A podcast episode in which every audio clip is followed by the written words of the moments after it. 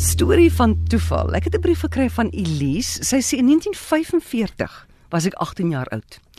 Op 'n dag ontvang ek 'n brief gedateer 19 Junie 1945 in ons posbus by die huis. Die brief van 'n jong man, ook van dieselfde ouderdom wat my graag wou ontmoet. In die brief het hy genoem dat hy Johan Verster is en dat hy my besonderhede van iemand gekry het wat my ken. Ek het nooit die brief geantwoord nie omdat ek baie siek geword het en in die hospitaal beland het en vir 'n maand daar was.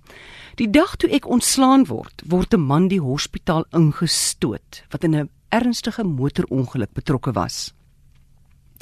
Ten spyte van hoe erg hy gelyk het, het dit my opgeval dat hy baie aantreklik was. Dit het my egter bygebly en op 'n dag jare daarna word ek genooi na 'n ete by vriende. En wie was daar? Dieselfde aantreklike man. Ek kon dit nie glo nie. Ons is later getroud en na byna 50 gelukkige jare is hy oorlede. Maar hier stop my storie nie. In my laat 80s, 86 om presies te wees, ontmoet ek 'n egpaar by 'n deftige geleentheid en hulle word aan my voorgestel as Johan en Marie Verster.